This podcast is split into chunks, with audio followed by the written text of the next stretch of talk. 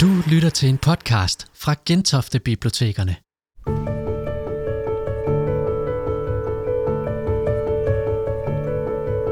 Dostojevskis forfatterskab er mere levende end nogensinde. Onsdag den 8. december 2021 fortalte journalist, anmelder og forfatter Maria Tetzlaff om det vigtige arbejde at oversætte Dostojevski Først og fremmest tak, fordi I har trodset corona og den bidende kulde og er dukket op her. Det er dejligt. Og så har jeg alligevel tænkt på, at man ikke kan forlange, at folk er helt øh, opdateret. Jeg har jo ikke sådan fået lektier for til i aften, så jeg tænkte, at jeg måske lige skulle runde ganske kort sådan nogle lidt mere generelle ting om Dostojevskis biografi og, og sådan noget. Og så sagde Christine så flot, at det var om at oversætte russisk litteratur. Det er det jo så ikke generelt. Det er jo om at oversætte den her roman, men heller ikke kun det, for det bliver jo pludselig meget nørdet. Det, det er jo noget, jeg kun kan snakke med andre oversættere om, om man kan sige. Det er ikke sikkert, det er interessant for jer.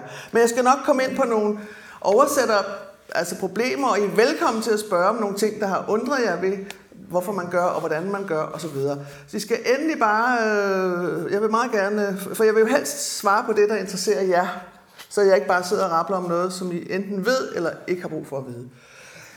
Øhm, det her, det er jo Dostojevskis øh, sidste bog, og den blev udgivet ret kort før han døde. Og det er faktisk hans, virkelig toppen af, hans, øh, af hans, hele hans værk.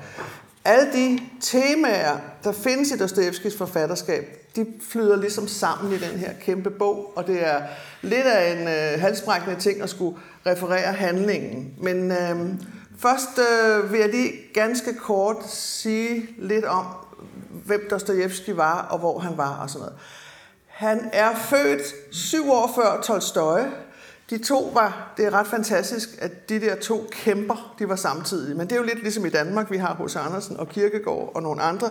Så man kan sige, det var den russiske litteraturs guldalder, for man havde også det sidste af Gogol, om at man havde det aller sidste, man havde det aller sidste af, af Pushkin og Gogol og Turgenev, som vi også kender, og så de to her, og så kom Tjekov. Så det var ligesom alt sammen inden for et århundrede. Men mærkeligt nok mødte Turgenev, eller Røvl, Tolstoy og Dostojevski, de mødte aldrig hinanden. Og det var nok heller ikke gået særlig godt, hvis de havde gjort det, fordi de var altså, meget forskellige og meget stejle, nok især Tolstoy, så det var nok endt i et eller andet frygteligt. Øh.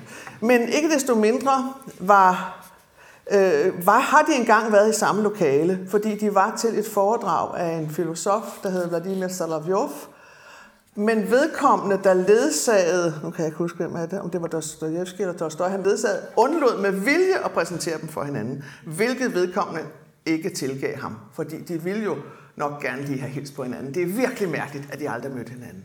Fordi Tolstoy, han levede så længere, han var født i 28, han døde først i 1910, og, og Dostoyevsky, han dør i 81. Han dør i januar 81, og, og, ganske, og så to måneder efter bliver den zar myrdet, som faktisk var den, der afskaffede livegenskabet, og som var, var en, der nok kunne have indført nogle reformer, men så var der jo nogen, der bare var imod sarvældet i det hele taget, og de rammer jo tit lidt forkert, øh, for det var slet ikke ham, altså det var dumt at myrde ham, om jeg så må sige. Ja, lige præcis han var nok den, der sådan set havde fortjent at fortsætte. Men, øh, men det, det blev Dostojevski sparet for. Han var død i januar, da det andet fandt sted i, i marts. Og, og de af jer, der har været i St. Petersborg, I kender den kirke. Øh, den der meget sådan øh, byzantinsk udseende kirke, eller hvad man skal sige, øh, orientalsk udseende kirke, der hedder Blodskirken, og den er jo bygget på det sted, hvor Alexander den anden blev myrdet. Alexander den anden var svigerfar til hende, vi kalder prinsesse Dagmar, altså som blev hun var gift med sønnen til Alexander den anden, som blev Alexander den tredje, og som blev zar, da han blev myrdet i 81. Det er bare sådan, så I kan få det lige lidt anbragt. Øhm, men øh, Dostojevski, han, han debuterer, øh, da han er der midt i 20'erne, og har faktisk meget succes med sin første ting. Øh, det er Stakkels Mennesker og Dobbelgængeren. Og det er stadigvæk meget påvirket af, af Gogol, eller Gogol, som man øh, kalder ham i Danmark, men han hedder Gogol. Han er ikke så kendt, men der er lige kommet en, en meget fin øh, dansk oversættelse af hans Petersborg-fortællinger, som jeg kan anbefale. Det er ikke mig, der er oversat den, desværre, hvilket jeg er enormt jaloux over. Øh, det, den er virkelig øh, god. Og øh, så er der den der dobbeltgængeren, som er, er meget interessant. Det er sådan et gotisk tema med en mand, hvor man ikke rigtig ved, om han er ved at gå fra forstanden, eller der vidderlig er en dobbeltgænger. Og øh, det går sådan set meget godt, og han, det stiger ham lidt til hovedet faktisk, at han, han bliver øh, så populær og har debut.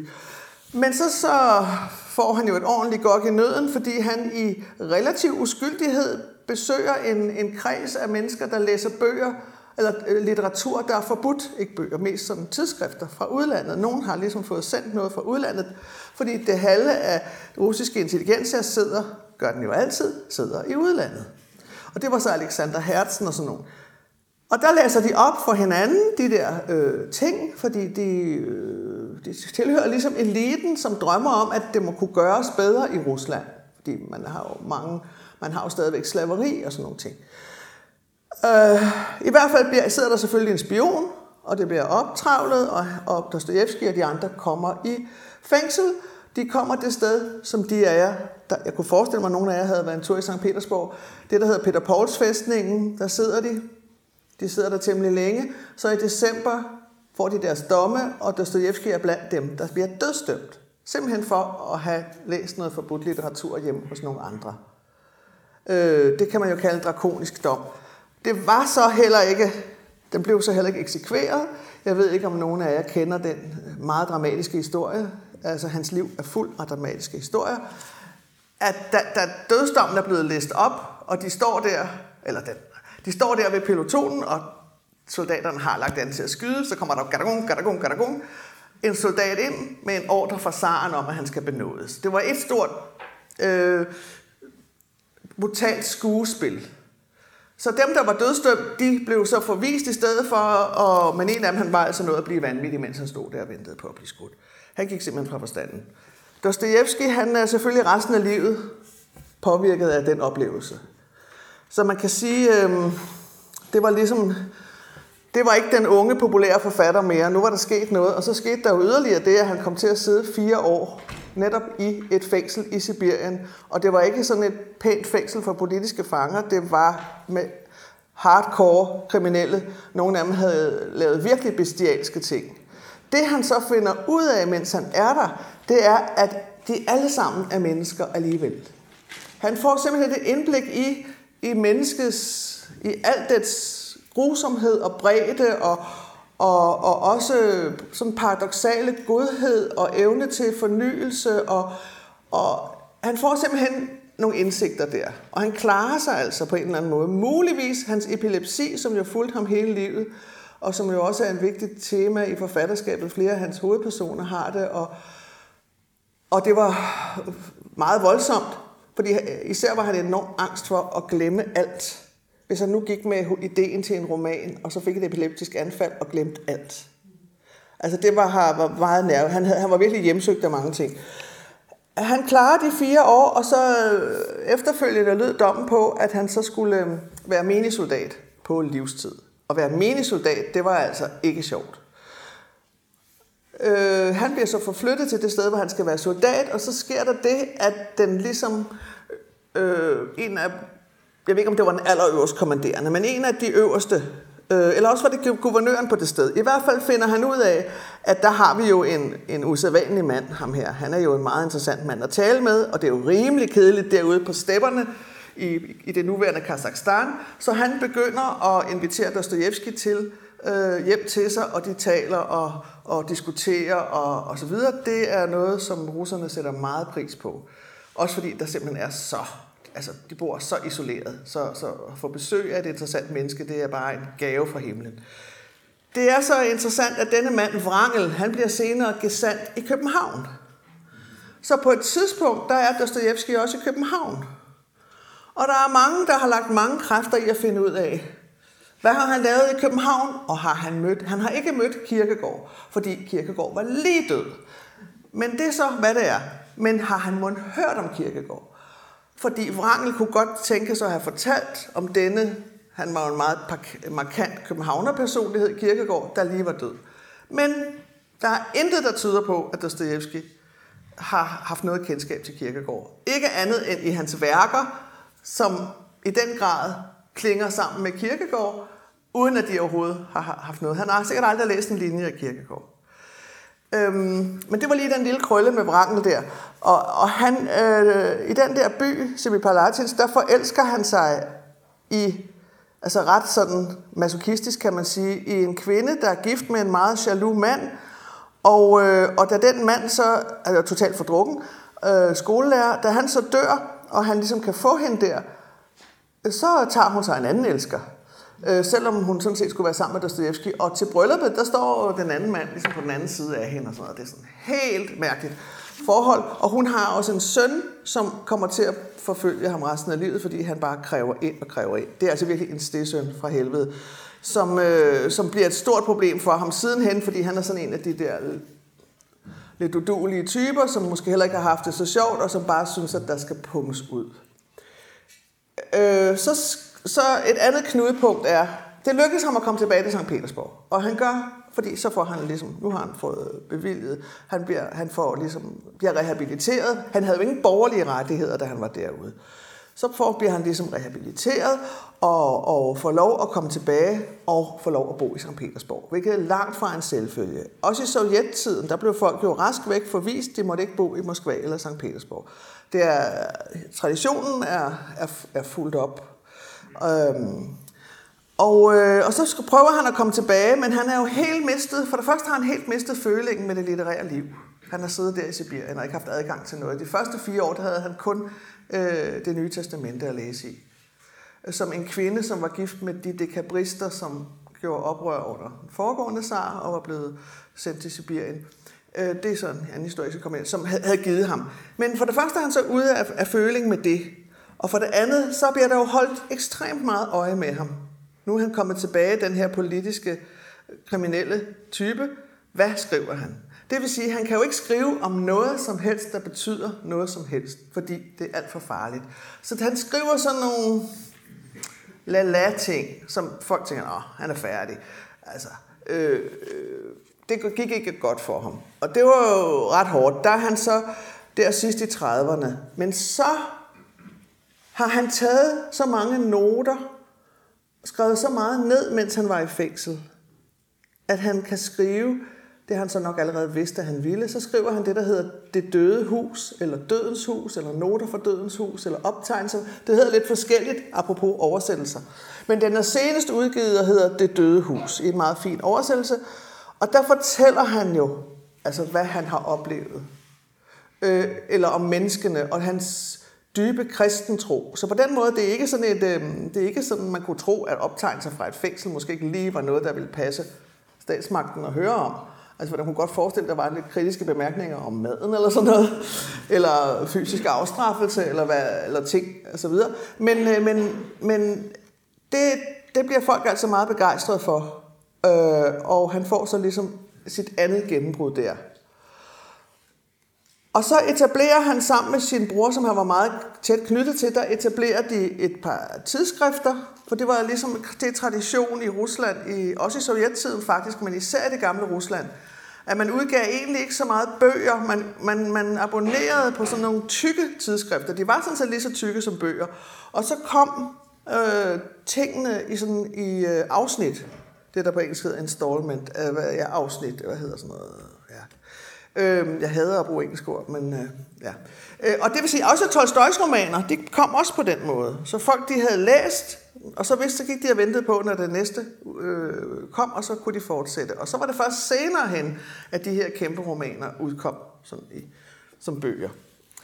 Og de af jer, der har læst Dostojevski, vil vide, at han er rigtig god til sådan nogle cliffhangers. Og i, når vi læser en bog, så ser vi jo ikke, at det slutter her, for vi kan heldigvis læse videre. Men der står jo tit, pludselig gik døren op, og ind trådte en uventet gæst. Eller, og her skete noget, der fik ham helt til. Altså det kommer der hele tiden. Han er sådan en rigtig, han er en rigtig sådan øh, knaldromansforfatter på den måde jo.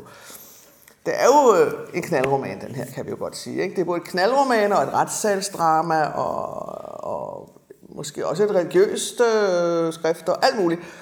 Der er alting i den her bog. Øh, og så, men altså, så er der bare det ved Dostoevsky, han har, han er ikke ret god til det med penge. Det tror jeg sådan set ikke rigtigt, der har været nogen russisk forfatter, for ikke at sige nogen russer, der nogensinde har været.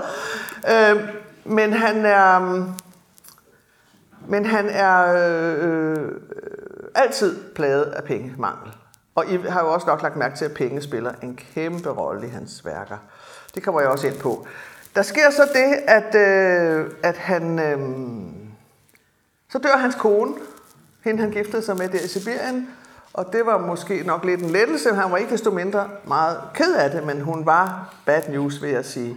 Men hun, hun dør, og hvad værre er, hans bror Michael, som han var meget tæt knyttet til, dør også helt uventet. Og så har han altså Michaels kone og børn på halsen, han skal forsørge på. Altså han har ikke noget rigtigt, han har ikke sådan rigtig nogen penge, vel? han har ikke noget gods med en indtægt eller sådan noget. Så, og han er hele tiden, han, han, han lever af forskud. Altså han er virkelig kommet ind i en dårlig øh, cirkel med, han, han får forskud, og så skal han så levere en bog. Og det er måske også i virkeligheden hans drivkraft. Det kan godt være, at det er nødvendigt. Men det betyder jo, altså det er lidt af et helvede, og så får man lige et epileptisk anfald, og så er man lagt på, så ligger man på valen i nogle dage, og det, det er ikke sådan, det, det lyder lidt, det lyder sådan, puh, hans liv synes jeg lyder meget op ad bakke. Men øh, derfor er det også så dejligt at opleve, hvor meget humor der, der, der er også. Altså både i hans breve og i hans øh, bø, øh, bøger og sådan noget. Øh, så sker der det, at han har været så lidt sindig, en eller anden smart forlægger har, har givet ham et forskud og sagt, men jeg skal inden 1. november, tror jeg det er. Og jeg tror, det er i 66 eller 67. Er det 66? Øh, det er nu også lige meget der skal, jeg have, der, der skal jeg have en roman, det står i kontrakten. Og der står også i kontrakten, måske står det med småt, at hvis øh, ikke jeg har den roman til den tid, så tilfælder hele dit værk mig, også det du skriver fremover. Og det var jo en katastrofe. Og vi er nu i september, og den roman er ikke skrevet nu, og den skal afleveres om to måneder. Og hans venner, de tager, river sig i håret og prøver alle mulige idéer og siger, kan vi ikke alle sammen, hvis vi nu alle sammen skriver et eller andet kapitel, du siger, hvad det skal handle om. Vi skriver et kapitel, og så skriver du det lige igennem. Bum. Nej, det vil han i hvert fald ikke. Så er der en, en af vennerne, der får, og vennerne, det er jo selvfølgelig også litterater og kendte mennesker for dem, der kender til det der, der får den geniale idé at henvende sig til en anden, en som har sådan et stenografkursus eller så skole. Og der skal man jo huske, det er jo ikke så svært at huske, det ved vi jo alle sammen udmærket, hvad kunne kvinder tage sig til dengang? det var ikke meget. Altså, de kunne blive prostitueret, eller blive gift, hvilket var sådan en slags langtidsprostitution, kan man sige. Ikke? Og så øh, kunne de blive stenografer, og de kunne vist ikke engang rigtig blive sygeplejersker eller noget. Altså, de var, og, øh, og, og sådan noget som jordmor, det var en eller anden klog kone, det var jo ikke nogen agtet øh, beskæftigelse, så der var faktisk øh, altså kunne vi lærerinder, så kunne de jo blive enten privatlærerinder, eller, eller der var heller ikke rigtig sådan, altså børnene gik jo ikke i skole, der var jo øh, analfabetisme helt op i, til 1905 i Rusland, skal vi regne med. Ikke blandt adel, men blandt almindelige mennesker. Ikke? Nå, det er også en, en, en lille side ting. Men i hvert fald så får de den idé, at vi skal have, vi skal have, han skal have noget hjælp. Der skal komme en, der kan skrive for ham. Han skal bare gå rundt og diktere, hvad der skal stå, fordi han når på ingen måde at skrive det selv. Og så finder de den dygtigste unge pige på den her stenografkursus, og hun er et stort fan af Dostojevski, så hun er meget begejstret. Han er jo sådan blevet lidt kendt igen. Og forskellige ting. Det er en fantastisk historie i sig selv. Men i hvert fald ender det med, at hun tager over. Og han får så dikteret på de her to måneder den roman, der hedder Spilleren. Det er ikke en af hans store værker, men det er en meget interessant, meget interessant og den handler, han, den handler om noget, han vidste meget om, og som Johannes Møllehave siger i sit fremragende foredrag om Dostoevsky, som I kan høre på øh, P1, hvis I går ind på det, øh, DR.dk på P1, og så har noget, der hedder, ja, det er det, der hedder Tidsånd. Der har Møllehave, der har Christoffer Emil Brun for nylig genudsendt et af Møllehaves. Han var virkelig, han var virkelig fantastisk. Der er måske nogle af de faktuelle ting, der ikke helt passer, men, men det er lige meget. Altså overordnet er det virkelig fantastisk. Nå, men øh, det lykkedes så for den der spilleren af vejen, og så får han skrevet Forbrydelse og Straf, som er et af de helt store, hans, hans store, fire store hovedværker. Og den vækker begejstring, og, øh, og, han, og han bliver gift. Han gifter sig med den unge kvinde der, som vi kan takke for, at vi har de her Dostojevski værker. Fordi uden hende ved jeg ikke, hvordan det var gået. Hun var ikke selv øh, specielt, jo hun var kvik og dannet og så videre, men hun var jo ikke, hun var mere sådan praktisk. Men det var hende, der fik det til at hænge sammen. Og hun fandt sig jo i det utroligste. Øh, og sådan er det med russiske kunstnerkoner. Det er sådan en hel genre for sig selv. Hvad russiske, også dissidenter i det 20. århundrede, altså, og I kan se Solzhenitsyns kone, for at nævne en moderne en, og Tolstojs kone, som var hun var på højde med ham. Hun var, hvis ikke det havde været den tids øh, kønsroller og sådan noget, så havde hun gjort stor kunstnerisk karriere selv. Hun var virkelig hans ligeværdige. Og hun sad jo der med 12 børn og gennemskrev krig og fred, jeg ved ikke hvor mange gange, ikke? Han skulle bare, altså, altså med de, der, med de der kvinder, og så er de jo altså som løver i forhold til deres øh, mænds værk når, øh, bagefter så også, ikke? Øh, men så skulle sådan set alt være godt, men så er der jo lige, der er stadigvæk ikke nogen penge, og øh, så har han den her øh, frygtelige stedsøn, Pavel, Pasha kaldet, som jo bare nærmest ikke synes, at de selv skulle have nogen penge. De skulle, dem skulle han have. Og så havde han sin brors stakkels enke og hendes børn. På et tidspunkt så er han, de så forgældet, at de simpelthen flygter til Europa, for ellers risikerer han at ryge i fængsel. Så de tager på sådan en, øh, en lang bryllupsrejse, som ender altså med at blive, øh, jeg tror de ender med at være væk i et par år. De skulle bare have været væk i et par måneder. Men de tør ikke komme hjem, fordi der, så skal der falde nogle penge. Han er simpelthen i, i ly for kreditorerne, og de er i Dresden, og i Genève, og i Baden-Baden, og i Milano og i Firenze. Og i, øh, i, i, i Genève, der får de faktisk en lille datter, deres første barn. Og jeg tænker lidt, at de havde, altså, de, de havde jo ikke sådan rigtig nogen husholdning, de lejede sig ind, så de har ikke rigtig haft nogen barnpige. Og jeg kan ikke rigtig forestille mig, at nogen af dem havde ret meget begreb om, hvad der var op og ned på et barn. I hvert fald tager de det barn ud i barnevognen i parken i frostvær, og babyen dør af lungebetændelse. Jeg ved jo ikke, om det er lige så enkelt, men i hvert fald dør det af lungebetændelse. Og det var jo et, forfærdeligt slag. Og det, det skal siges, at børn de døde jo som fluer, på, altså, både ved fødslen og så videre. Og der var jo ikke nogen kur mod lungebetændelse. Hvis man havde feber, så var det sådan noget med, så var man ret stor chance for at dø. Ikke? Det, penicillin blev først øh, fundet i 1914 og sådan noget. Ikke? Så øh, ja, men i hvert fald, hun dør, det der lille øh, pigebarn, men de får nogle børn sidenhen. Nå, så er der en masse roulette-spil, han, skal, han, bliver, han, han finder ud af, at han er ludoman. Altså, jeg ved ikke, om man kan kalde det rigtig ludoman, fordi det er lidt noget andet, fordi Dostojevskis er sådan en... Øh, det er ikke fordi, tror jeg, han nyder spillet, men han har sådan en idé om, at han, han skal redde økonomien ved at spille. Altså, det er ikke fordi, han sådan er... Og så tror han hele tiden, at nu har han regnet det ud. Og lige når han har vundet nogle penge, så bum, så taber han dem alle sammen. Og så øh, opdager hun jo, at hvilesesringen er væk, og øreringen er væk, og på et tidspunkt har han ikke nogen vinter, vinterfrakke. Og, og hun synes jo, det er helt forfærdeligt, for hun kommer jo fra et hjem, hvor der sådan er nogenlunde, man har der tøj på kroppen, og sådan Jamen, det er han da så vant til at pansætte vinterfrakken, så når han har penge, så henter han den igen og sådan noget. Øh, ja, det, er, det, øh, det lykkes på et tidspunkt at, at, at, og sige farvel til den roulette. Så, så i forbindelse med brødrene Karamazov skal jeg lige en, øh, en lille, så skal jeg nok komme til den. Øh, de, de, de får et par børn, som lever, til de bliver gamle. Og han har også et oldebarn, der også hedder Fjodor øh, øh, Dostojevski. Altså, det fortalte de på museet. Jeg ved ikke, om nogen af jer så den dokumentarfilm for nylig. Så der, der er altså efterkommere. Men en søn og en datter ud af de fire børn, de får i alt. Men så kom, de får en søn efter hende, der døde i Genève. Og han dør som treårig af et epileptisk anfald. Og det giver jo selvfølgelig øh, faren, som, som han men, som jo har det selv, og som føler, at han har arvet det fra ham, giver jo ham voldsom skyldfølelse. Og han er helt ødelagt af det der dødsfald.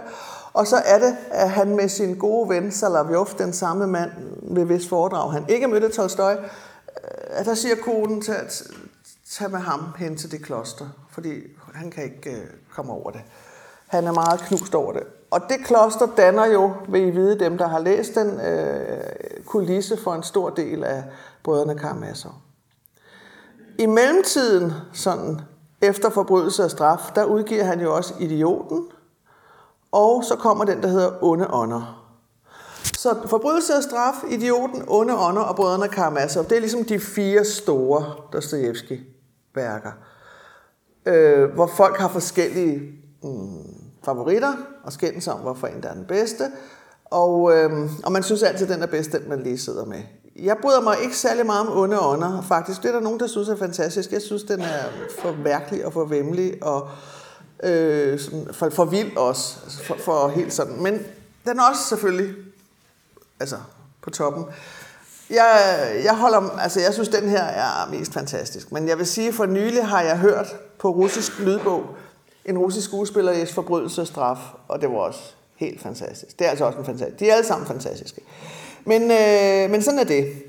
Øh, jeg tror, vi skal ligesom øh, forlade ham og sige, øh, han, det, det lykkedes at komme nogenlunde sådan til, på fod og, og lege et sommerhus om sommeren, øh, det er også, øh, hvor de kan tage hen, og hvor han kan øh, sidde og skrive, og børnene kan få frisk luft og mælk. De, de leger en ko af en bonde, og der, der hørte jeg, og det var noget, der virkelig slog mig, for det kan jeg slet ikke forestille mig, men det er ret sjovt. Den der ko, den havde så på et tidspunkt revet sig løs, eller i hvert fald var den ligesom gået sin vej, og så måtte Dostojevski ud og fange den her ko og finde den. Og man ser ligesom for sig, at Dostojevski går rundt og fange en ko. Det er ligesom ikke lige det, man sådan forbinder ham med, men livet er jo fuld af mange specielle opgaver. Og han var en meget kærlig far. Han var et rigtig familie. Han drømte, han elskede at have familie, og, og hans kone har skrevet sine erindringer, og der har hun nok pyntet lidt på det, for det har nok ikke altid været så nemt. Men, øh, men han var ikke en, der sådan turede. Jeg tror vidderligt, øh, at han har været en god ægte mand. På den måde, bortset fra, at han altså lige spillede i hvilesesringen væk. Det, det kan man diskutere, hvor, hvor dejligt det er. Øhm, ja. Øhm, Brødrene Karamazov, den har han selvfølgelig tænkt over rigtig længe.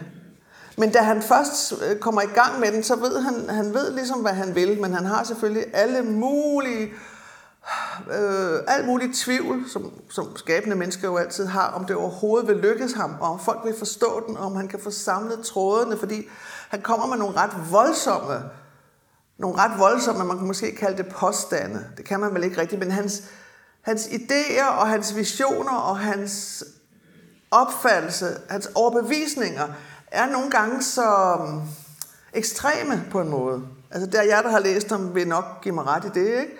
Og, og så er det jo vigtigt, så skal det jo være kunstnerisk overbevisende. Der skal på en eller anden måde, vi skal på en eller anden måde trækkes hen til det sted, hvor vi kan forstå, at der er nogen, der resonerer sådan, eller siger sådan, eller føler sådan. Og, og det, øh, det synes jeg er fantastisk, hvor, hvor langt han kan trække os i vores, øh, i vores øh, fantasi, altså i forhold, fantasi i forhold til... Øh, til mennesket, eller verden, eller begrebet frihed, eller godhed, eller skyld, eller Guds eksistens, og sådan noget, hvor man virkelig sådan, hvor man tænker, nej, ja, det kan jeg nok leve uden at vide. Men, men man bliver virkelig, synes jeg, altså det er jo, synes jeg, er et stort mesterskab, at man kan få, at vi får ligesom sådan trukket vores hjerne næsten fysisk ud, øh, og får mere plads der bliver mere plads inde i en, synes jeg, når man læser Dostoyevsky. Det lukker ikke, det åbner sådan. Og man er, kan jo sagtens være rygende uenig, men det tænker man først over bagefter.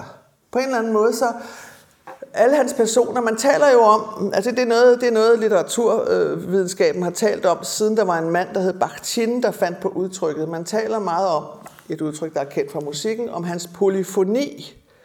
At der ikke er rigtig en fortællerstemme. Jo, det er der, men det er ikke en, øh, det er ikke sådan en øh, overordnet fortællerstemme, der sidder sådan og flytter rundt på marionetterne. Det er ligesom om, at han, i den her, der lader han som om, at han selv bor i den by, og han har hørt det fra nogen, og han siger, jamen det var for 13 år siden blev ham der myrdet det der, og man snakker stadigvæk om det, og, og vores by er sådan og sådan, og i vores by er der ligesom sådan en, åh ja, det er nok bare en grøft, og, og, så er der det, og i vores by, og der var jo på det tidspunkt i vores by, og så, så man får sådan den illusion, at det faktisk er en person, der har boet i den der by, hvor, hvor jeg så også har været, hvilket var meget interessant. Og det er også med i den der dokumentarfilm, som I bare kan gå ind og se på. Den hedder Oversættelsen. I kan bare gå ind på DR.dk, så er den på DR2, og den hedder Oversættelsen. Og der, der er rundt, der, der ser man de steder, som jeg snakker om, og som spillede en rolle for i hans liv. Øhm, så den der polyfoni, at alle har sådan set lige meget... Øh, øh, alle taler med deres egne stemmer. Øh, jeg synes egentlig ikke, det sådan er super usædvanligt, at det gør det i gode romaner. Men jeg kan da godt se lidt, men det var øh, det er blevet et meget sådan kendt begreb i forbindelse med Dostojevski. Øhm, vi har jo så Øh, en familie. Han siger, det handler om en familie. Man kan dårligt kalde det en familie. Det er en far, som ingen vil ønske sig at have som far, som har tre sønner.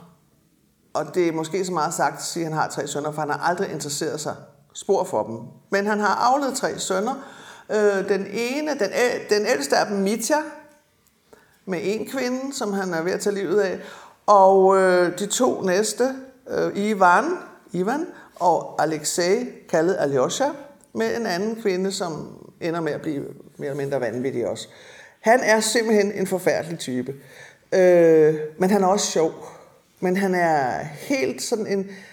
en han er sådan ligesom sanselighedens, øh, liderlighedens øh, uh, overdrev. Jeg kan lige jeg kan lige, hvis I får, øh, jeg kan lige læse en lille smule om ham, for jeg synes også, vi skal have lidt af den ægte vare. Det er altså far Karamazov her, som vi lige får Niels, jeg kan måske se ham lidt for sig. For jeg, jeg kan ikke helt stå for ham, men altså, men han, køn er han ikke.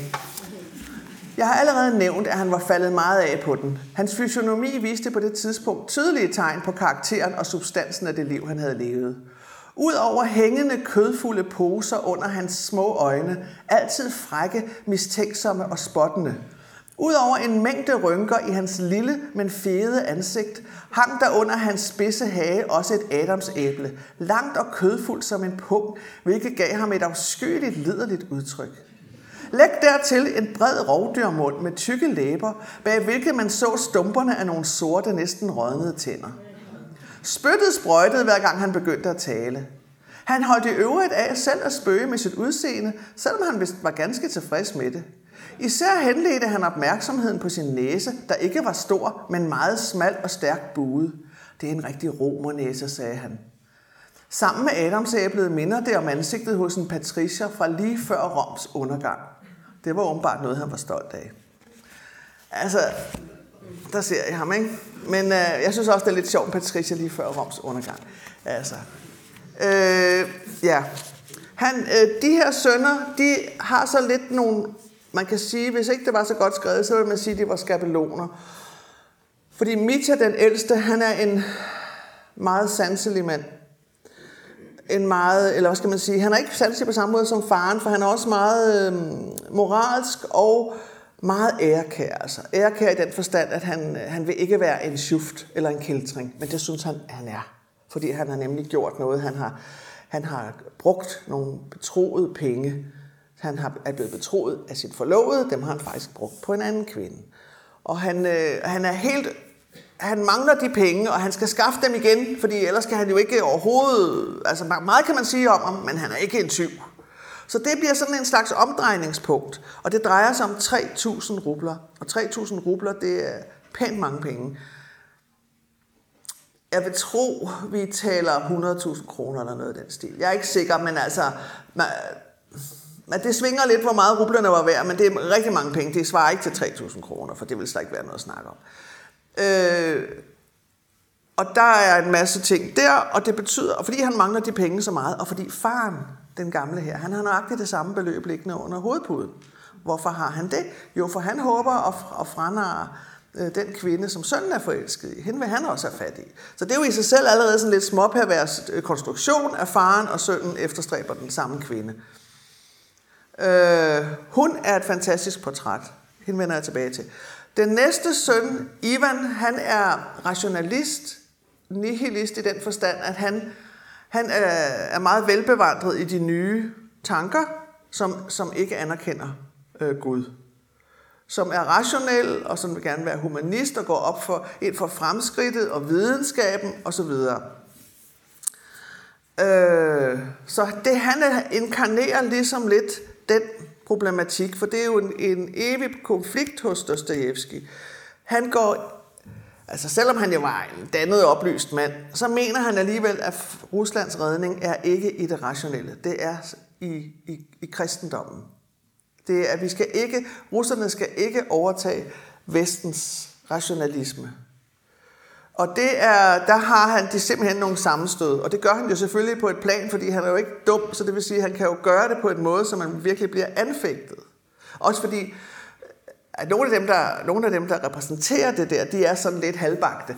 Øh, men samtidig så giver han dem alligevel nogle gode argumenter. Det er ikke sådan, at han gør det nemt for sig selv eller for os. Øh, og det er blandt andet det, der sker i den berømte dialog, der hedder Storinquisitoren, som det netop er Ivan, der har forfattet, og som han fortæller sin lillebror om, hvor sådan en, en slags legende, man kan næsten sådan sige lidt Selma Lagerlöf-agtig, øh, bortset fra, der er en noget andet toneleje. Kristus vender tilbage til jorden midt under inkvisitionen. Der er en pige, der er død, en lille pige. Altså han laver det helt originalt på sin egen måde, men vi kender jo, vi kender jo øh, skelettet ligesom fra vores bibelshistorie. Ikke? Øh, og, og folkemængden får så denne Jesus til, og altså så opvækker han hende. Men i det samme kommer den gamle, elgamle, en stor inkvisitor gående forbi. Det er ude foran kirken, det foregår, og han ser det der og han får Jesus pågrebet og smidt i fængsel. Og så, Jesus han skal så øh, øh, døds, øh, hvad skal han, hvad skal slås ihjel næste dag, ikke? henrettes. Men så kom om, om aftenen, om natten kommer Storinkvisitoren ind til ham. Og så har, så har han sådan en monolog, hvor han fortæller Jesus, at han i virkeligheden slet ikke gør noget godt for menneskene, for menneskene kan slet ikke administrere den frihed, Jesus i det her, altså ifølge ham, kommer med.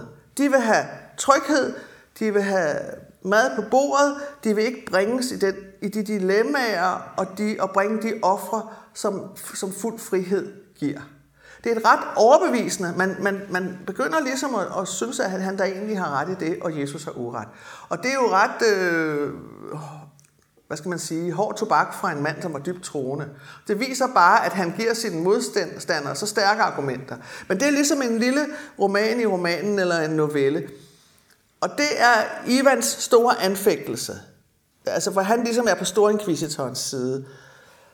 Den lille bror, han, øh, han er from. Han vil gerne være munk.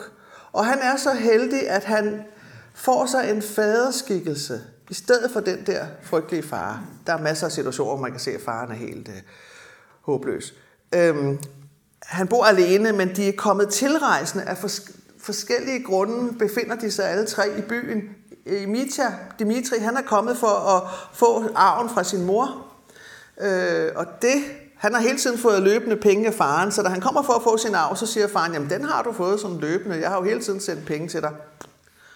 Det vil han ikke acceptere. Så der har vi en kæmpe konflikt. Og det er jo også det, der gør, at man tænker, at det er nok ham, der har slået faren ihjel. Fordi han har jo virkelig motiver til det. Øh, men øh, Alyosha har så den her starets, eller ældsten, som jeg så kalder det, fordi jeg synes, starets det er lidt for mærkeligt ord, og det betyder en gammel mand i virkeligheden. Og det var sådan en øh, institution i kirken, som var ret øh, omstridt, fordi det var altså sådan en øh, karismatisk, det skulle sådan være en karismatisk person. Og det kan jo være meget godt, hvis det virkelig er en person, der, der, har, der har de kvaliteter. Men samtidig kan det jo også være lidt betænkeligt at have sådan meget karismatiske enkeltpersoner. Øh, det er jo ikke særlig fromt heller. Og sådan have i et kloster, hvor der ligesom er en, der bliver sådan en slags øh, guru, eller det kan blive for meget, og der var mange, der synes, at de fik for meget magt også. Og så gav det også lidt, et, øh, lidt skævhed, fordi øh, munkene, de skulle så... Øh, fordi det var et stort stridspunkt, det var det åbne, øh, det åbne øh, skriftemål. Altså i stedet for, at man sidder og taler enkeltvis, i hemmelighed og anonymt, så skulle man skrifte åbent. Og så skulle ligesom brødrene hjælpe en på rette vej, og man skulle sådan. Det gjorde jo så, at for at, og de skulle sige et eller andet, og for at slippe for at sige noget slemt, så gik de sådan på vejen hen til ham og aftalte, hvad, hvad, hvad skal vi sige? Kan vi ikke sige, at jeg har fornærmet dig, så siger du, at du har fornærmet mig, så, så kan vi bare sige det. Og så er det sådan, så de rigtige sønder, dem kunne de jo så slippe for at sige. Øh, men det er jo det er en anden diskussion. Den går han ikke ind i, men han nævner ham der Startetsen. En ting, som er meget central i Dostojevskis værk, det er det med fædre. Altså faderløshed. Alle hans personer er på en eller anden måde uden fædre. Og, og, og manglen på en far, eller manglen på en ordentlig far, er et grund, altså en grundskade. Og det kan man måske også kende stadigvæk. Men øh, det er, og det, men det er selvfølgelig øh, også, kan man sige, en projektion af Gud og så videre, men, men det faktum, at, man ikke, at der ikke er en far, at der er ikke noget drama. Hvis du har en, en far, så, så, så er det ligesom om, så, altså underforstået, så får du ikke så mange problemer, medmindre din far, han altså er som ham her. Dostojevskis egen far, han var, han var militærlæge, og var lidt en knækket mand. Jeg tror nok, han havde været læge under øh, felttoget mod Napoleon, og derfor var blevet, havde bare faktisk PTSD. Men det er ikke, det ved jeg ikke så meget om. Det har jeg ikke studeret. Jeg har faktisk ikke studeret Dostojevski. Jeg har bare oversat den her roman. Så, men jeg vil så til gengæld sige, hvis I vil gerne vil læse om Dostojevski, om hele hans, altså hans liv og hans værk, så er det her en fantastisk god bog, der lige er kommet øh, her i november til jubilæet. Den hedder Dostojevski en introduktion af Tine Rosen, og den kan jeg virkelig anbefale, hvis man godt vil have sådan en... en den, er, den er godt skrevet, og den har ikke vidt løftig, og der er simpelthen, hvad man skal bruge. Øh, og også det vigtigste temaer og sådan noget. Så den her faderløshed, det er et af Dostojevskis store temaer. Nu, talte, nu springer jeg lidt og elefant over til, hvad, øhm, med den her bog, med selve den her roman, er nogle af hovedtemaerne. Jeg har været inde på det der med pengene. Og der, der, altså, der er det med faren, faderløsheden. Det går igen uh, med, med fædrene. Fædrene, der ikke er der, eller fædrene, der er frygtelige. Og så er der det med pengene i alle romanerne, og det er sådan ekstremt konkret. Det hænger nok også lidt sammen med det der med spil, og når man aldrig har nogen. Jeg ved ikke, om I kan huske i Idioten, der er ligesom pengescenen over alle pengescener. Der er en kvinde, nu glemte jeg at præsentere kvinderne i den her roman, det må jeg lige tilbage til. Der er en kvinde, der hedder Nastasia Filipovna, og hun er ligesom øh, flere af Dostevskis kvinder, og faktisk også lidt Anna Karenina. Det antyder Tolstoy i Anna Karenina. At øh, unge kvinder, der ikke havde meget familie, der kunne sørge for at gelejte dem ind i et godt ægteskab, de var på herrens mark. De var meget, meget udsatte.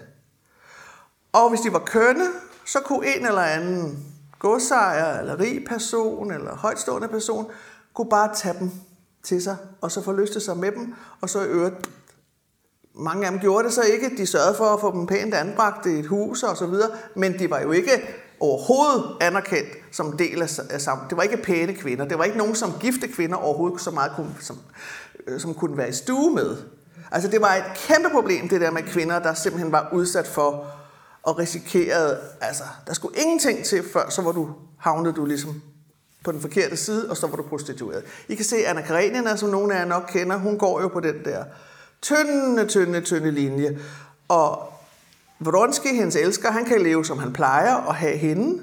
Hun kan, hun kan ikke se nogen, der er ingen, der kan se hende. Selv en, en kvinde, som er meget velvillig over for hende, hun siger, jeg har øh, en datter, der skal giftes på et tidspunkt. Jeg kan ikke se Anna fordi det vil kaste en skygge på min datter. Så kan hun ikke blive godt afsat. I kender det fra, øhm, den, øh, I kender det også fra øhm, La Traviata, hvor Violetta er nødt til at give afkald på sin elskede, fordi hans søster skal giftes. Altså, det kommer for tæt på og sådan nogle ting. Men, men altså, i hvert fald Nastasia Filipovna, hun finder ud af, at nu hun altså, den mand, som hun har boet hos, fra hun var ganske, ganske ung, 12-14 år eller sådan noget, han skal så nu giftes officielt med et passende parti. Og hun skal afsættes. Hun skal giftes med en eller anden, så hun ligesom er... Og det er, skal være nogen, som de tager hende jo ikke. De tager hende, fordi de får penge for det, eller noget andet. Fordi de vil jo sådan set helst ikke have sådan noget damage goods, men, øh, men altså, der er, hvis der er penge nok med, så går det. Det er jo ikke nogen særlig sjov baggrund at blive gift på. Hun opdager, hvor meget hun er en vare og damage goods. Så derfor så tager hun ligesom sagen i egne hænder. Det er, som taler vi idioten, det foregår ikke i den her, det er idioten. Hun tager sagen i egne hænder og siger, jamen kom, og så se, hvem der har flest penge med. Og så kommer der en, som er helt vild med hende. Han, det er altså, han er sådan halvkriminel, eller sådan lidt en sådan en mafioso, eller ikke. Der var ikke mafia på den måde, men altså. Han er, han har i hvert fald skaffet rigtig mange penge. Og, og de har også et, et stort tiltrækning og sådan. Der er alle mulige ting i det. Men så tager hun den der bunke penge, og der er altså så mange penge, så altså virkelig mange penge. Og så kaster hun det ind i ilden. Og så siger jeg, så ham, der tager de penge ud af ilden, ham, han får mig. Og det er bare den dybeste ydmygelse at skulle ligesom gå hen og tage de penge. Det ligger ligesom i luften, at du kan godt nok få penge ud af ilden, men du er bare totalt afskrevet. Altså, du er helt fuldstændig. Og så er der jo en, der næsten sådan... Vand, altså, de står de er fuldstændig... Og så er der en, der ligesom kaster sig ind og, og hiver de der halvbrændte. Altså, hun er sådan rigtig en femme fatale.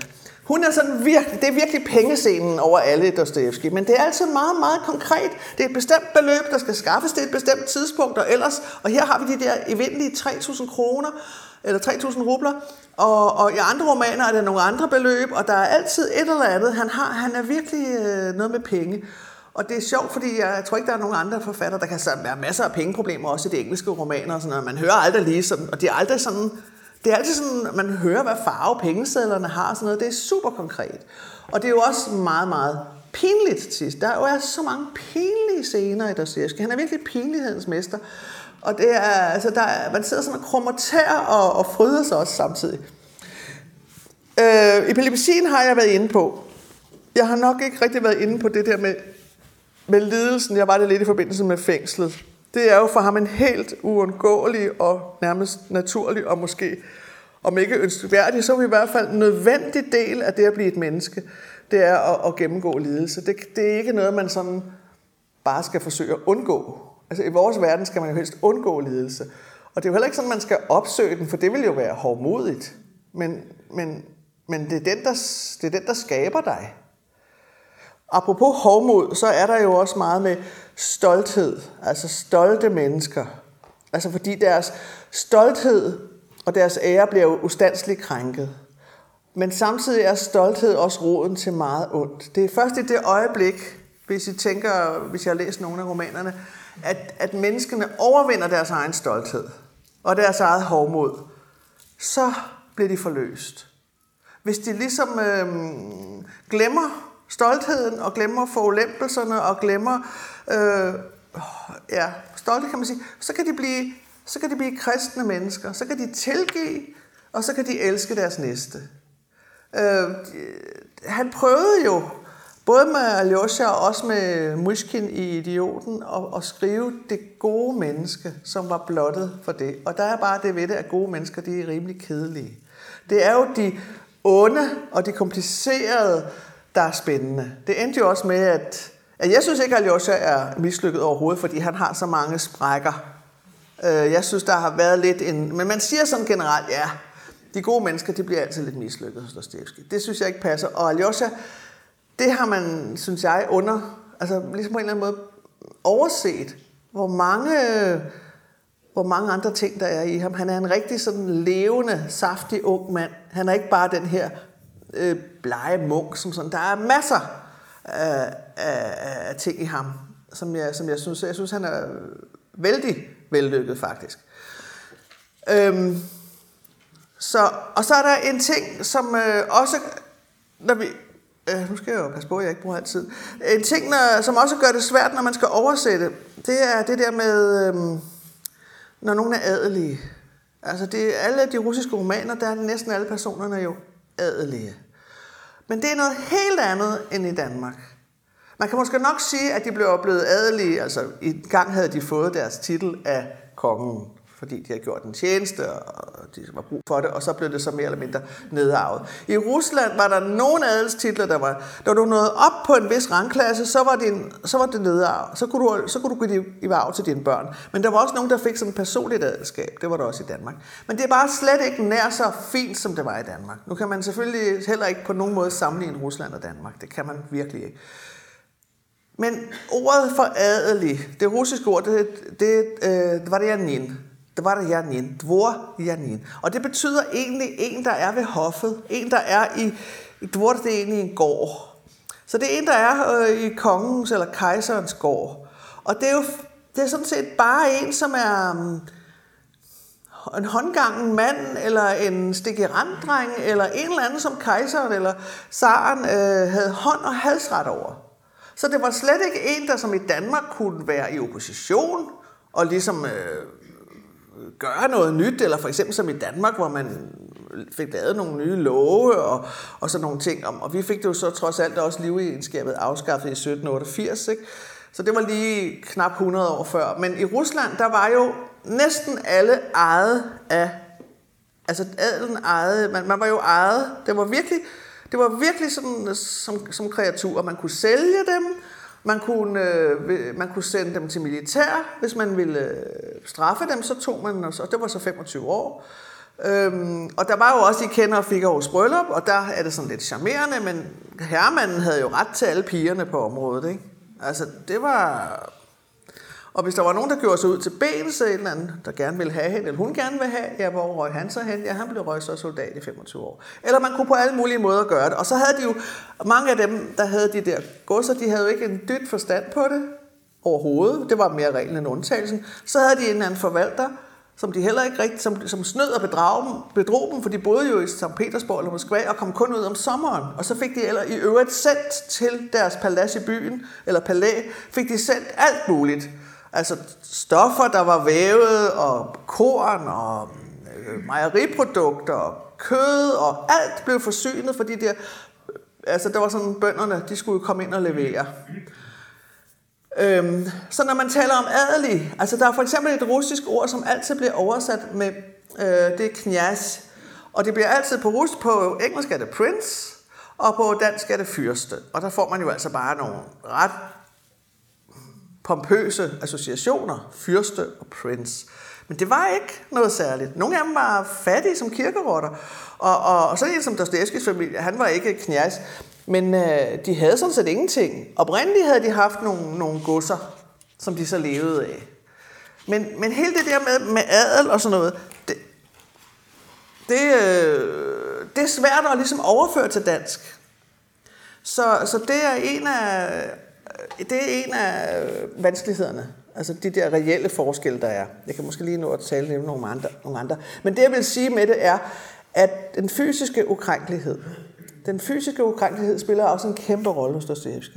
Altså hvis, folk, hvis man er blevet skubbet, eller sat til side, eller Mitya på et tidspunkt, der hiver han en mand ved håret, mens hans søn ser på det. Og det er et stort, det bliver et stort traume i bogen, og giver anledning til en masse ting.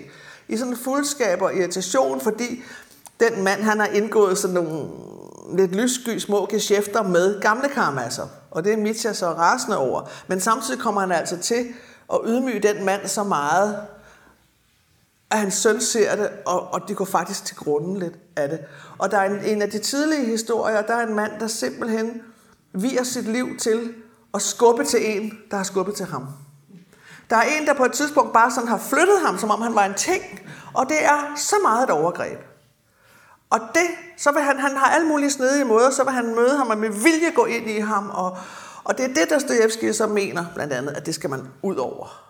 Men, men den, der, øh, den der fysiske ukrænkelighed, det har jo en meget konkret baggrund, fordi det eneste, den eneste sikre rettighed, man havde som adelig, det var, at man kunne ikke blive korporligt afstraffet. Det var sådan set det eneste, der adskilte en adelig fra de andre. Og det var til gengæld meget, meget vigtigt. Der var ingen, der havde ret til at slå dig. Ellers så slog man. Man slog folk altså for et godt ord, og straffede dem, og der var ingen form for øh, sikkerhed eller retsfølelse, eller retssikkerhed eller noget som helst. En vigtig, øh, en vigtig pointe i, i den her bog, I ved, retssagen over Mita, den fylder rigtig meget.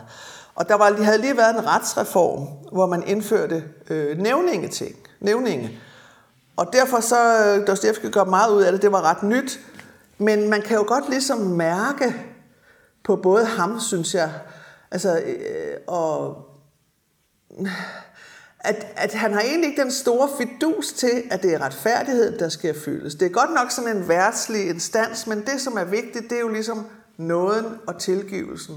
Og, og det der mennesker, de idømmer domme, men det er meget tilfældigt. Og det, og det, det mærkelige er, eller det sådan øh, pussy og, og, er, at, at, at ham, der ligesom taler om den slags, han tager fejl. af dem, der ligesom siger det, som vi ville synes var, var rigtigt og hørte sig til det er svært at forklare, men altså det er lagt i, retssagen er på en måde, den er sådan helt forfejlet. Der sker justitsmord i den, og, og de øh, prøver, og så prøver de at inddrage nogle ting, og det er alt sammen vældig, der kommer en meget moderne, øh, et meget fin og kendt advokat ud for at forsvare, og han er vældig, vældig dygtig, men Dostoevsky viser også, at de i virkeligheden slet ikke er interesseret i selve retfærdigheden, de er interesseret i selv at brillere på en måde. Jeg skal så lige inden jeg forlader selve den her roman, sige, der er et, især to ret fantastiske kvindebeskrivelser. Den ene er hende Grushenka, eller Grushenka, som nogen kalder hende, men det skal være Grushenka. Øhm, hendes skæbne ligner lidt Nastasia Filipovnas, men så alligevel ikke helt. Hun er som ganske ung blevet forført af en officer, som har forladt hende, og så er hun også på spanden hun har ikke ret mange penge. Hun er egentlig af en pæn familie. Hun bliver så taget ind af en rig ældre købmand, som hun bliver en hold kvinde for. Det vil sige, hun er ikke øh, en kvinde, som overhovedet har nogen form for øh, anstændighed, men han hjælper hende, og hun klarer sig, og hun sparer en lille kapital sammen. Fordi hun venter på, at ham der officeren skal dukke op, og så vil hun vise ham, at hun har klaret sig. Hun går i virkeligheden, hun tror, hun elsker ham, og håber, han dukker op. Men til allersidst indser hun, at hun, det er slet ikke, det er bare hævn, det var slet ikke kærlighed. Hun er en fantastisk kvinde, fordi hun er både sådan spiller på det der med at være lidt prostitution, sådan lidt luderagtig, samtidig med, at hun er helt urørlig. Der er ingen, der kan få fat i hende. De prøver alle sammen, fordi hun hed, det hedder sig jo, hun er sådan en. Men det er kun den gamle købmand, og de er op. Det er meget interessant, fordi det er så usædvanligt, synes jeg, for tiden også. De opbygger faktisk et stort fortrolighedsforhold. Altså, han, han tager sig af hende. Han er meget ældre end hende. Hun er den eneste, han betror at tælle hans penge. Hun besøger ham hver, øh, hver uge, og de sidder og tæller penge. Det er sådan med kuglerammer det hele. Ikke? Og, øh, og da han bliver rigtig gammel, er det også ligesom hende, der, altså, det er meget interessant, hvordan øh, den her øh, Grushenka, hun spænder så vidt, for hun kan også være en rigtig... Altså, hun spiller jo den gamle og den unge Karamazov ud mod hinanden, for hun venter jo på ham der officeren der for fem år siden forførte hende. Da han så dukker op, så er han røv og nøgler, så vil hun slet ikke have ham alligevel, og så indser hun, at det er Mitya, hun, hun elsker. Den anden kvinde, det er en meget øh, stolt, hun er nemlig stolt, og det er så hendes, øh, viser det sig, det er så hendes øh, svage punkt og hendes akilleshæl, og det er det, der gør, at det ikke går hende ja, man kan diskutere, hvem det går godt. Det skal jo ikke være en spoiler. Men hun, hun hedder øh, Katarina Ivanovna. Hun har på et tidspunkt, fordi hendes far er kommet til at tage kassen, og det er så stor en skam, at hun så på, af en eller anden grund opsøger Mitya for at han skal hjælpe. Han har på det tidspunkt nogle penge, eller han kan hjælpe. Det er ikke, fordi det er nogen stor sum, eller jeg ved ikke. Måske er det også 3. Nej, jeg ved ikke, om det er også 3.000. Det kan jeg ikke huske. Og bare det, at en kvinde alene går hen til en enlig mand og skal have penge, det er det samme som at, altså så, giver det, så går man ud fra som givet, at hun har solgt sig selv. Øh, og det er, de har simpelthen noget, og de bliver faktisk forlovet, men han forlader hende så på grund af Grushenka. Men alt det der, det skal jeg ikke komme nærmere ind på. Jeg vil bare sige, at selvom den hedder Brødrene Karamazov, så er der altså også nogle virkelig fantastiske kvindeportrætter i den. Nu må jeg hellere skynde mig og lige fortælle lidt om selve det der med at oversætte. Og ja, det kan godt være, at jeg tager nogle af jeres spørgsmål øh, tager på forskud, for det kunne, jeg kunne forestille mig, at det var noget, I ville spørge om. Altså det overordnede spørgsmål er jo, hvorfor skal man øh, oversætte en bog, der allerede er blevet oversat? Og det er et rigtig godt spørgsmål.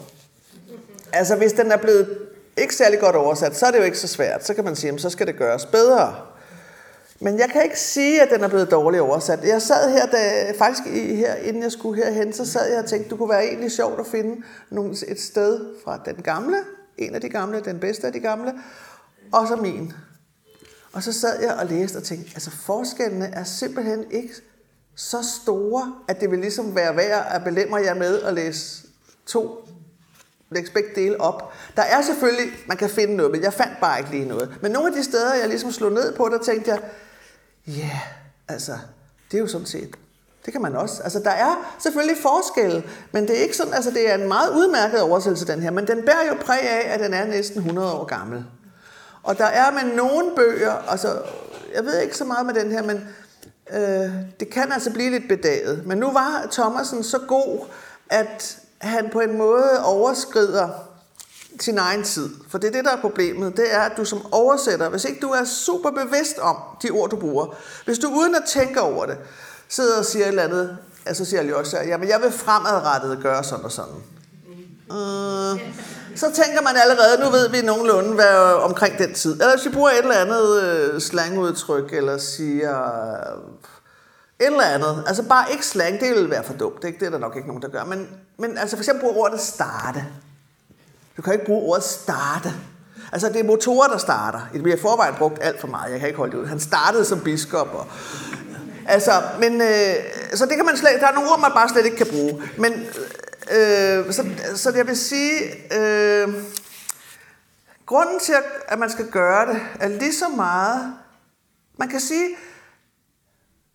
det er jo interessant, hvis man læser en gammel oversættelse, fordi hvis man i forvejen er sådan rimelig sprogligt øh, trænet, så vil man øh, forstå, hvad der står. Og man vil synes, det er sjovt at, at læse de der gamle udtryk. Og jeg er selv en hund efter gamle udtryk. Så min er faktisk ikke sådan super... Altså, den er jo... Man kan ikke sige, at den er opdateret. Jeg har ikke lavet mere moderne sprog.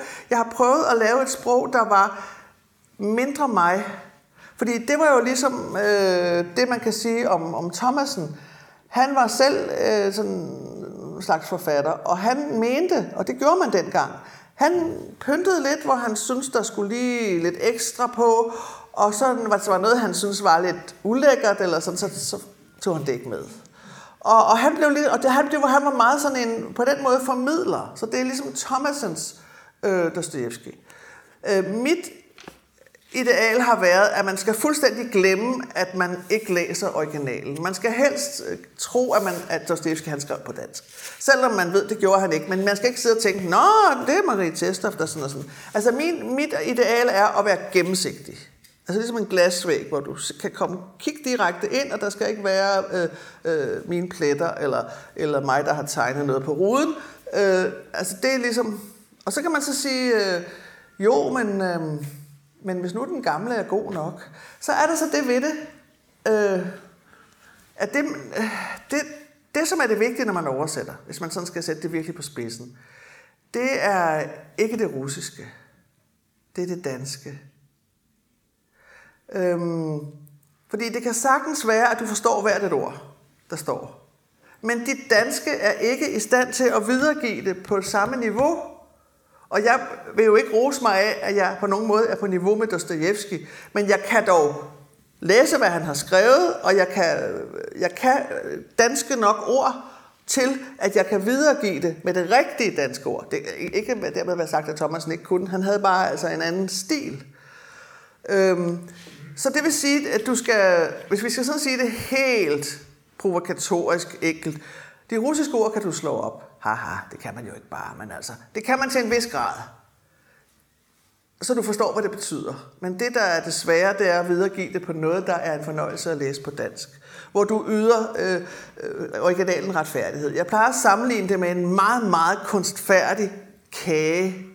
Med alle mulige øh, marcipanroser og glasur og flødeskum, og jeg skal komme efter dig. Og den kage skal ligesom transporteres fra en æske over en anden æske. Der skal helst ikke være røget nogen figurer af, og der skal ikke være smattet noget flødeskum, og du skal ikke stå med sådan en lidt kedelig kage, i stedet for den flotte, der var. Fordi i virkeligheden er det jo et kæmpe ansvar. Nu kan man sige, hvis min oversættelse var mislykket, okay, så havde man Thomasen. Men nogle gange er der jo nye forfattere på sprog, vi ikke kender. Det kan for eksempel være japansk. Så hvis nu der var en dårlig oversætter, der oversat sådan, hmm, hmm, hmm, der forstod det godt nok, men ikke var særlig god, så tænker vi, nå, den forfatter er der ikke noget særligt, det gider jeg da ikke at læse mere af. Fordi den oversætter har ødelagt den forfatter. Det kan forfatteren ikke vide, men der har siddet en, der simpelthen ikke var på højde med det. Men med hensyn til det danske, så vil jeg sige, at det er en fantastisk vigtig ting for vores eget sprog, at de her bøger bliver oversat. Fordi man bliver tvunget til at finde nogle ord, man ellers havde glemt. Der er jo ting, der er begreber, der kan også være landbrugsredskaber, køretøjer, det er mit store mareridt. Og der kan være alle mulige ting, som, øh, som vi har danske ord for, men vi ville have glemt dem, hvis ikke jeg var nødt til at bruge dem her. Så I får også reaktiveret og beriget jeres danske. Og der kan man så sige, at nogle gange har Thomasen måske brugt, øh, der bliver, jeg tror måske, der er nogen, der vil blive skræmt væk af, at det var måske lidt for mærkeligt eller bedaget. Altså det ved jeg ikke. Jeg skal ikke, jeg skal ikke sige noget dårligt om Thomasen, fordi især ikke efter jeg opdagede, hvor, hvor altså der er nogle gange, hvor jeg har kigget øh, for sjov skyld og set, Nå, hvordan har Thomasen gjort det her. Og, og tit har det været udmærket, men tit har jeg tænkt, ah, vi er da bedre, ikke? Men, øh, men altså, altså, det er helt støbt, og det er fint. Altså, jeg ved ikke, okay, jeg ved ikke, om I selv har. Jeg ved, at der er nogen, der har siddet, uh, Susanne Brygger og Ida Jessen, de havde sådan en lille ting, hvor de sad med min oversættelse og Thomasens og, og sammenlignede og nørdede med det. Og, øhm, og de fleste har altså sagt, at de synes, min var bedre, det ved jeg ikke. Altså, det tror jeg ikke, man skal sige. Men øh, i hvert fald, så tror jeg, at den er ret sådan let. Øh, jeg tror, der er mere, jeg tror humoren, altså den er lidt mere, nej, der er også humor der. Jeg ved det ikke. Men øh, Dostojevskis øh, humor kommer meget frem, synes jeg her. Øh, men altså, når man skal oversætte, er der svære ting i form af det der realia. Der kan være øh, ting, som simpelthen ikke, øh, man ikke ved, hvordan man ligesom skal videregive. For eksempel er der noget, der hedder Atstavnøj, som egentlig betyder, at man er pensioneret eller holdt op med at være et eller andet, eller gået, gået fra, eller sådan noget. Men det er tit, meget, meget tit unge mænd, det er mænd sådan i 30'erne, der er pensionerede oberst. Og for det første får de ikke nogen pension. Og for det andet, så er de jo heller ikke gamle, og de er heller ikke blevet afskediget. Og man skal jo gerne kunne sige, at det er et ord. Fordi det er et tillægsord, det der atstapnøj. Så det er sådan, øh, det var meget almindeligt, at man tog en ganske kort tid i en eller andet militær halløj. De blev nogle gange skrevet ind i et eller andet fint øh, regiment, inden de var født. Sådan så, når, øh, når de øh, faktisk arriverede i St. Petersborg, så havde de allerede en ret høj rang. Det var fuldstændig... Og så på et tidspunkt, så kunne de så trække sig tilbage som oberst, og så hed de oberst, så tog de ud på deres øh, gods, og så var de så det. Og, men altså det der med at sige en pensioneret, siger man en mand på 28, at han er pensioneret et eller andet, og man kan heller ikke sige, at han er fyret et eller andet, øh, afskedet. Så der er nogle praktiske ting der med det der, øh, med, med de helt reelle ting. Så er der nogle ord, som er svære. Øh, for at nu nævner jeg bare ganske lidt. For eksempel er der ordet batushka, som man, det betyder egentlig lillefar. Men du siger både batushka til en præst, det er helt fast tiltale til en præst, herr pastor. Men man siger ikke her pastor, man siger faktisk lillefar. Det fortæller også noget om den russiske kirke, at præsten hedder lillefar. Men man siger også lillefar til ens herremand. Og det kan jo godt være lidt forvirrende, at man, for, og, fordi det faktisk er meget erbødigt. Så hvis jeg er i en sætning, hvor der faktisk sker noget, der ikke er særlig lillefaragtigt, så, så, så vil det virke underligt. Så der kan man godt støde på nogle sådan ting med, med selve ordene. Øh, og der kan være tiltaler øh, og ting, hvor man taler til hinanden på. Fordi, fordi menneskenes indbyrdes forhold er så anderledes, end, end vi kan forestille os. Og det med rangklasse. Og så er der, så er der også det meget, det der lidt meget følsomme ting, ligesom vi har med Pippi Langstrømpes far og sådan noget. Der er jo en... Øh, altså Dostoyevsky og Tolstoy og alle sammen er antisemitter. Det kan vi så godt se i øjnene. Og det var sådan, øh, de omtaler bare jøder, sådan grimt, og kalder dem et ord, der hedder jid, som er, øh, jeg tror på dansk vil man måske sige jødesmavs eller sådan noget. Og det er jo altså ikke lige noget, man har lyst til. Og samtidig er man jo nødt til at være ærlig så, øh, så der må man ligesom finde et ord, der ikke er sådan helt så inkriminerende, men samtidig må vise, hvordan. Altså, de omtaler bare, øh, ja, øh, vi skal et eller andet, vi må gøre, vi kan, det kan vi ikke overlade til jøderne og sådan Altså, den måde, de taler om dem på, det, det er bare gennemsyret, at der var jo, altså, øh, det, det russiske samfund var virkelig meget antisemitisk. Og det var virkelig sådan en form for dumhed. Det var, jeg ved ikke, om de kunne... Jo, senere var det jo også på grupper og sådan noget, men her var det bare, fordi det var så fremmed. Fordi den russiske livsform var så fjern fra for eksempel handel. Altså en købmand er næsten det samme som en røver i en russers verden. Russere er heller ikke nogen, der flytter sig. Russerne er næsten rodet ned i jorden, og det er lidt suspekt at bevæge sig. Det var derfor i sovjettiden sådan en eufemisme for jøder, det var kosmopolitter. Fordi hvor i USA alle flytter sig. bevæger sig på hjul, og man er hele tiden mobil, og de har mobile homes og sådan noget. Så er der i Rusland noget lidt suspekt ved folk, der rejser. Det er fordi, de stikker af fra noget, eller hvad, hvad foregår der her? Og ja, hvis nogen af jer har læst Solzhenitsyn, så ved jeg også, at der er enormt meget sådan blod og boden i det. Men det var for at sige, altså den slags ting, det kan godt være lidt, lidt svært at, at skulle oversætte ordentligt. Ja, nå. Men øh, nu tror jeg efterhånden, jeg, øh, jeg kan ikke nå det hele. Jo, der er lige en ting, Dostojevskis navne. Nogle af dem, de, de, sådan, de giver associationer til, til noget. Og det kan være virkelig svært at kalde en Stinkesen.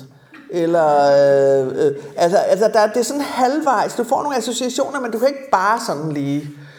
Øh, og, og det er også en, en, en, en, en helt sådan lavpraktisk øh, problem, man støder på. Men dem, det gør man jo som oversætter. Altså oversætter værvet. Nu har jeg jo ikke fået talt så meget om de der peditesser, men det er jo fuldt af sådan nogle ting. Og man træffer hele tiden beslutninger, og på den måde kan man sige, at man kommer til at farve værket. Og, øh, og man kan diskutere om over... Altså det er sådan en slags... Øh, nu er der jo kommet et nyt ord inden for kirken, der hedder samskabelse. Men der kan man næsten sige, når man oversætter, er man måske sådan lidt samskabende eller medskabende, fordi man jo også skal bruge sit eget kreative apparat. Og samtidig skal man altså ikke blive for smart jo. Der er en, en ganske ung oversætter her for nylig. Han oversætter mest sådan meget gamle tekster, Gilgamesh og sådan noget. Han mener, det giver ikke nogen grund, der er ikke, det giver ikke nogen mening at oversætte noget på nyt, hvis man ikke kommer med sit eget, nogle nye originale bud. Og så tænker jeg, hvor herre bevares. Jeg kan godt forstå ham, men hvis jeg skulle komme med min egen, så skulle man sige, nå, men det er Thomasens Dostoyevsky, og det er Marie Teslas Dostoyevsky, og det er Sarovs.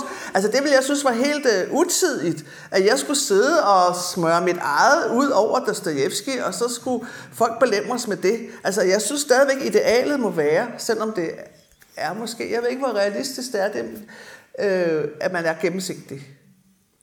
Og, og der er nogen, der så, ham den unge der, han siger, jamen værkerne, originalen er jo ikke statisk. Og det kan jeg ikke forstå. Det må være, fordi han sidder med nogle tekster, der er så gamle, hvor man opdager nye ting. Der kommer nye ting frem, og så er der en ny variant, og så finder de nogle øh, nye øh, manuskripter. Men, men Brødrene Karamazov på russisk, den er stat. Den er, hvad den er. Og så kan det så, så afhænger det så af, af, af vores tid, og hvad vi lægger mærke til. Men der vil jeg jo mene, at hvis jeg sørger for at oversætte, jeg plejer at sige, det er altså ikke så svært. Du starter op i venstre hjørne, og det er de sorte, der er bogstaverne. Og så skal du bare være god nok til russisk, og frem for alt god nok til dansk. Og så have en vis menneskelig modenhed. Det er sådan set det, der skal til. Og så god tid. Fordi det bliver bare meget bedre, når man kan stoppe, når man er træt i hovedet. Altså helt enkelt. Du har lyttet til et arrangement optaget på Gentofte Hovedbibliotek onsdag den 8. december 2021. Husk, at du kan finde mange flere podcasts på vores hjemmeside. Vi lyttes ved